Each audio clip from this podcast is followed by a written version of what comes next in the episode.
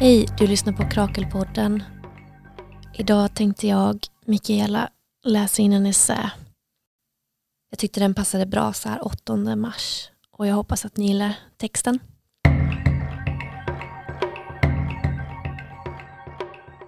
Dokumentären om Britney Spears är en uppvisning i den patriarkala logik som innebär att en kvinna inte är en människa utan enbart kvinna. Hon är som en rysk docka där varje docka representerar olika tillåtna roller för kvinnan att iklä sig. En kvinna är sällan människa. Hon är oftast moder, maka och dotter. Men framförallt så är hon kvinna. Att vara kvinna är överordnat alla hennes distinkta roller. Roller som pågår under hennes liv, där varje övergång ritualiseras för att cementeras. Kvinnor är alienerade människor eftersom de intar färdiga roller. Kvinnor är ofria människor eftersom de tvingas iklä sig färdiga roller. Rollerna är både utspridda över tid, hon går från en roll till en annan, men också samexisterande. Hon kan behöva klä sig i flera roller under en och samma dag. Övergångarna mellan varje enskild roll ritualiseras genom menstruation, graviditet och bröllop. Rollerna har också distinkta ensidiga karaktärsdrag. Hon är ett barn, därefter sexuell, därefter moder, alternativt nucka, alternativt sköka. De tre senare är alltid uppdelade tvärt. En kvinna får aldrig vara en hel person med en bred uppsättning egenskaper, brister och kompetenser. En kvinna är alltid det ena eller det andra. Det psykoanalytiska madonna hora-komplexet antyder just detta. Kvinnor är inte sammansatta komplexa individer utan separerade roller. Slavoj Zizek talar om mor och hora. En klyvning rotad i dualiteten mellan privat och offentlig sfär. Hon är, menar han, inte antingen eller utan både och men på olika platser. I Framing Britney Spears följer vi hennes vandring mellan dessa roller tvärt uppdelade och separerade från varandra. Det kvinnliga varandets cirkel. Britney Spears vandrade från dotter i Mickey Mouse Club och vidare till sexualiserad Madonna med Oops I did it again. Därefter blev hon hora eftersom hon uppvisade en alldeles för stor sexuell agens. Hon gick sedan vidare till mor, fru och hon blev givetvis anklagad för sitt moderskap på grund av att hon tidigare varit så kallad hora. Efter flera utbrott som skedde på grund av det stereotypa och närgångna skärskådandet av henne stämplades hon som sinnessjuk. Slutligen, efter att ha blivit stämplad som sinnessjuk och därmed inkapabel, tvingas Britney tillbaka till infantiliserad, till barn, till dotter. Nu, sedan 13 år tillbaka, står hon ofrivilligt under sin fars förmyndarskap. Att hennes far är förmyndare till henne är den ultimata patriarkala inkarnationen av att fäder äger döttrar. Britney Spears är en kvinna som tvingas iklä sig olika av samhället bestämda roller. Dotter, madonna, hora, mor, fru, sinnessjuk, infantiliserad. För 4000 år sedan utvecklades de abrahamitiska religionerna och då befästes patrilinjär härstamning ytterligare, att egendom ärvdes från far till son. Moderrätten försvann gradvis, kvinnor förlorade sin autonomi och därmed också sin mänsklighet. Ägandeskapet över kvinnan förkroppsligades i och med den patrilinjära arvsrätten och cementerades sedan ytterligare i och med kapitalismens framväxt med kärnfamiljen i fokus. Där kopplades kapitalackumulationen till mannen och lämnade kvinnan helt utan kapital, mark, egendom och arv. Kvinnan ägs först av sin far, sen av sin make.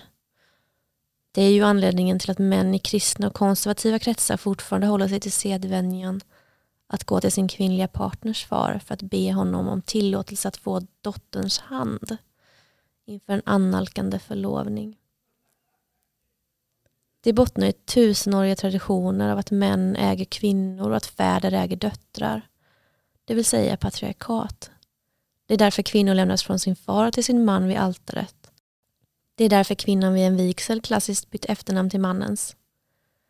Det är därför det finns idéer om att en far skulle ha mycket att säga till om sin vuxna dotters relationer och sexualliv.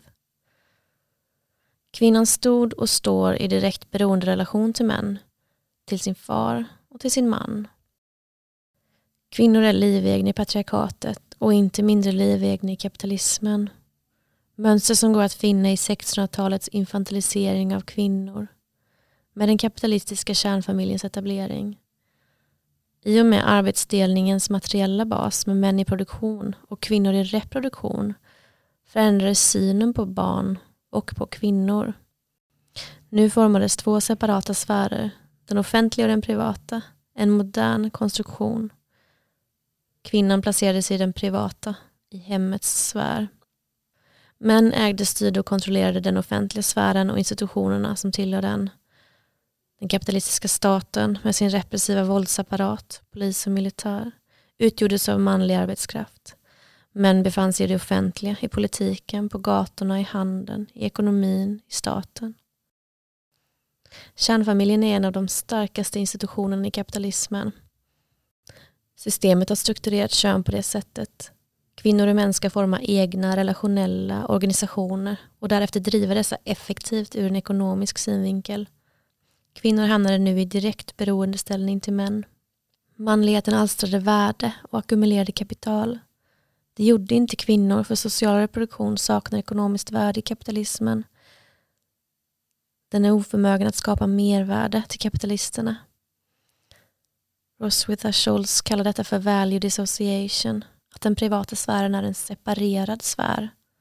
Alltså separerad från kapitalismens värdeskapande. Men utan kvinnans sociala reproduktion så faller kapitalismen. Roswitha skriver Den symboliska samhällsordningen i ett varuproducerande patriarkat karaktäriseras av följande. Politik och ekonomi associerat med maskulinitet, manlig sexualitet till exempel, är generellt beskrivet som individualiserat, aggressivt eller våldsamt, medan kvinnor ofta fungerar som rena kroppar.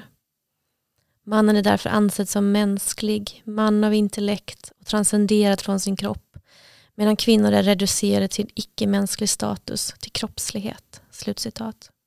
Kvinnor blir i kapitalismen reducerade till kropp, till kroppslighet, men också till varor. Varor att sälja, byta och köpa som på vilken marknad som helst. Som surrogatmödrar, som prostituerade.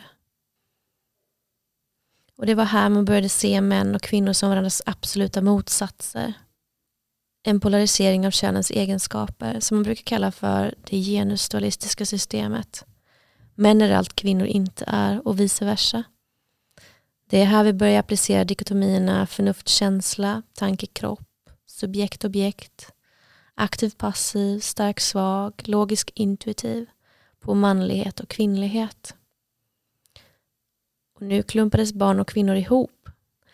Women and children first. Barn ansågs nu vara asexuella och därmed rena, även kvinnor. Shulamith Firestone skriver i The Dialectic of Sex att man inte fick svära framför barn och kvinnor, inte diskutera viktiga ämnen med dem och både barn och kvinnor började nu bära opraktiska kläder. Kvinnor sågs mer som infantila barn än som vuxna människor. De var nu ännu mer separerade från män, alltså produktionen, från vuxenlivet och från sin sexualitet. Kvinnor blev nu mer som barn i språk, beteende och klädsel.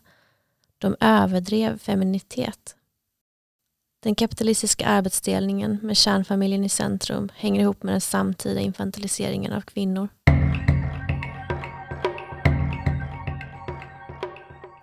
Han är alltid människa. Manligheten är normerande. Han är en hel och full människa medan hon alltid är en spegling av honom. Hon är inte en autonom människa utan en kvinna. Hon är mor, dotter, nucka, sköka. Hon existerar inte för sin egen skull utan i relation till honom. I vårt samhälle existerar kvinnligheten för att levandegöra människan, alltså manligheten. Vårt samhälle är uppbyggt utifrån idén att män är människor och att kvinnor är kvinnor.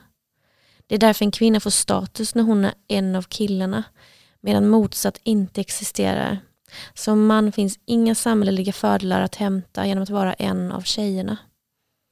De står alltså inte sida vid sida utan hon är i relation till honom medan han är en norm. Homosocialitet, att man identifierar sig med och orienterar sig med andra människor som liknar en själv, är ett utbrett manligt beteende. Män vet om att ju äldre de blir, desto mer socialt, kulturellt och ekonomiskt kapital, alltså makt, har de hunnit alstra. Att åldras är för män att få fler fördelar. Att åldras är för kvinnor att få fler nackdelar. Eller varför tror vi att det anses fult att fråga just kvinnor om deras ålder? Hon vandrar från dotter till mor eller hora och vidare till nucka. Roller som är bestämda av både patriarkatet och kapitalismen. Och om de bor ihop blir det genast en än mer cementerad dynamik. Hon är, oavsett om hon vill eller inte, strukturellt fängslad i den sociala reproduktionen, alltså hemarbetet. Män kan frånkoppla sig själva hemmet, omsorg, mat, uppfostran reproduktion i en handvändning Kvinnor kan inte det eftersom vårt ekonomiska produktionssätt fjättrade henne i den privata sfären, i den sociala reproduktionen. Homosocialitet befästs genom mansnorm, alltså anpassning till män, och språk, vad som sägs. En kvinna lär sig tidigt att det är positivt för henne att smälta in och passa in i en grupp av män. Homosocialitet tar sig även uttryck i att män förväntas först och främst vilja umgås med män, inte med kvinnor. Det är därför det frodas idéer om en så kallad jobbig flickvän som han tvingas umgås med medan det är enklare med grabbarna. Alltså maskulinitet och manlighet uppvärderas samtidigt som allt feminint nedvärderas. Det är därför you've got balls betyder att en människa är heroisk medan you're a pussy betyder att den är feg. Manlighet har i ett patriarkat högre status än kvinnlighet. Hela språket är konstruerat utifrån den premissen. Vad jag försöker tydliggöra här är att kvinnan är den andra. Han vandrar i sin egen subjektivitet, agens, autonomi. Hon är en spegling av honom, blir utsatt för hans handlingar. Hon är objektet. Det gör att kvinnor är mottagare i högre utsträckning än män. Mottagare av andras handlande, blickar, regler och lagar. Som Karin Holmberg skriver. Mäns liv är i mycket mindre utsträckning beroende av kvinnors handlande än vad kvinnors liv är beroende av mäns handlande.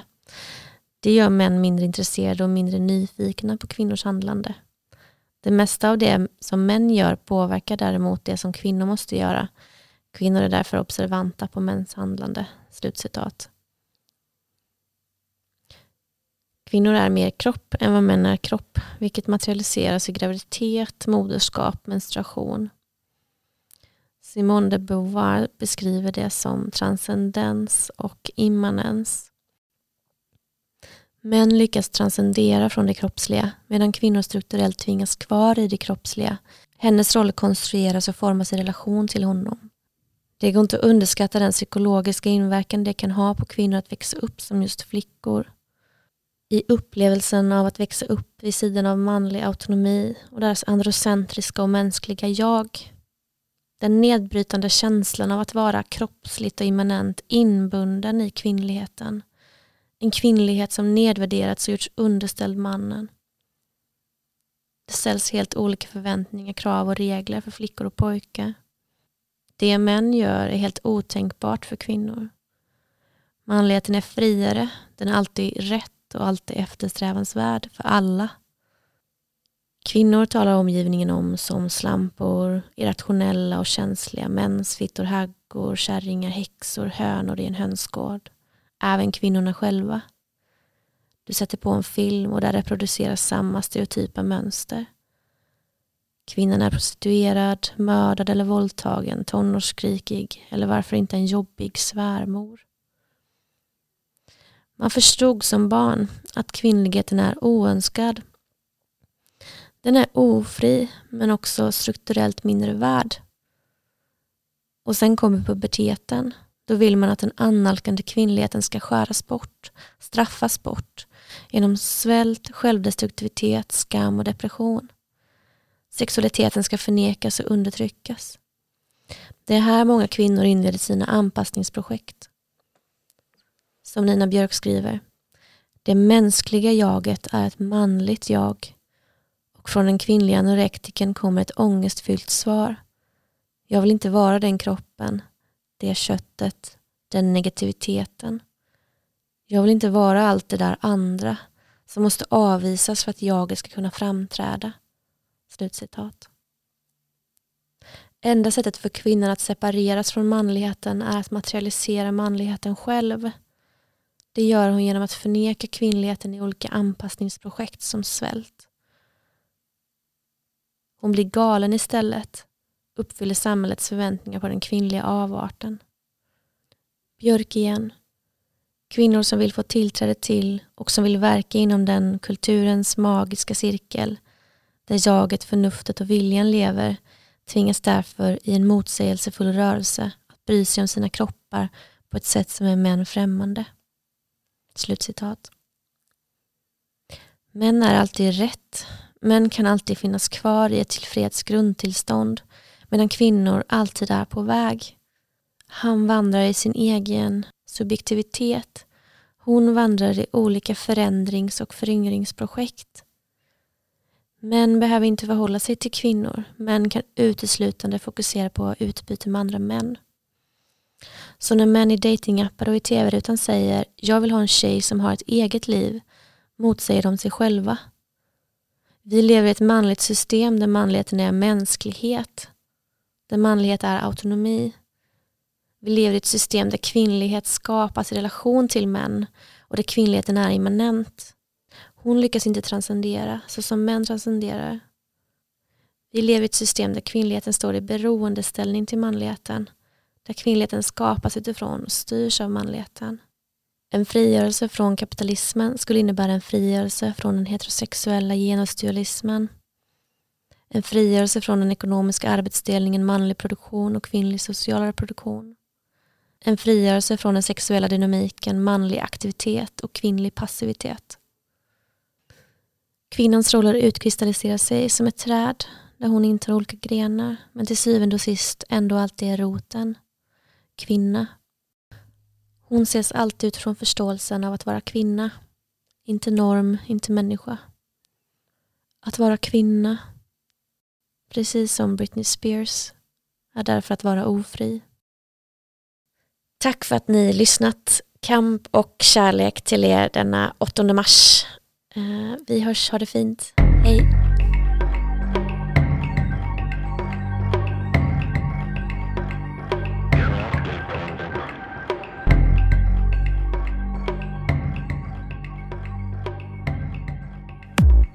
Du har lyssnat på en podcast som görs i samarbete med ABF Malmö.